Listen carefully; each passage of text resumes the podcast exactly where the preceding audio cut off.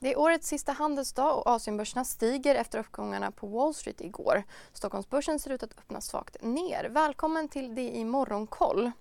Hongkongbörsen är upp en halv procent idag. Det är bara några timmar kvar nu av handelsdagen i Hongkong och sammantaget har Hang Seng-indexet tappat 15 procent i år.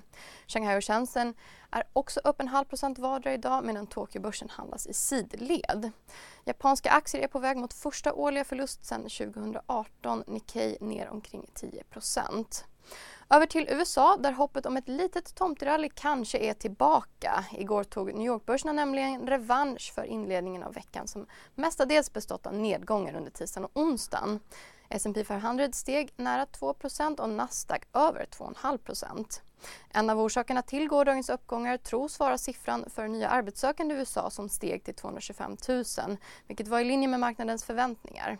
En stigande arbetslöshet ses som ett tecken på att räntehöjningarna börjar ge effekt. I år har S&P 500 och Nasdaq tappat 19 respektive 33 Tesla och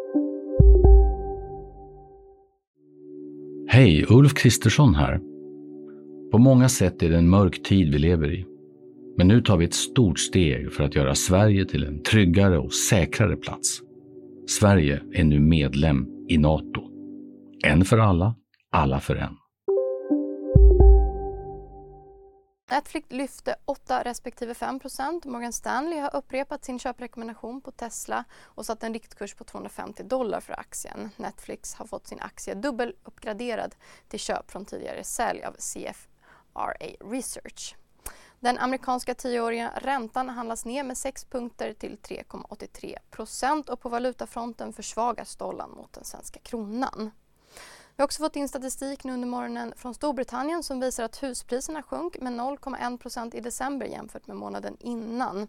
Jämfört med samma månad förra året så steg priserna med 2,8 så avslutar vi i Sverige. Även här öppnar handeln snart för sista gången det här året. Ett svagt börsår där breda index är ner nära 25% Idag är det också den sista handelsdagen för Swedish Match. Aktien kommer nu att avnoteras efter att budet från Philip Morris har gått igenom.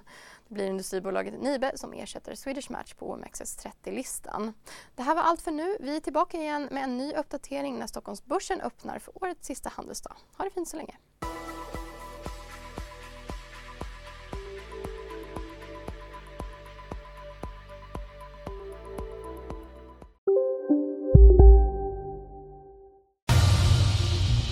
Expressen gör varje vecka podden Politikrummet där vi djupdyker i det senaste och viktigaste inom svensk politik. Med mig, Filippa Rogvall, som programledare tillsammans med mina vassa kollegor. Och det är ju ni som heter Thomas Nordenskjöld, Anette Holmqvist och Viktor Bartkron. Politikrummet kommer med ett nytt avsnitt varje tisdag. Vi hörs. Vi är specialister på det vi gör, precis som du. Därför försäkrar vi på Swedea bara småföretag, som ditt. För oss är små företag alltid större än stora och vår företagsförsäkring anpassar sig helt efter firmans förutsättningar. Gå in på swedea.se företag och jämför själv.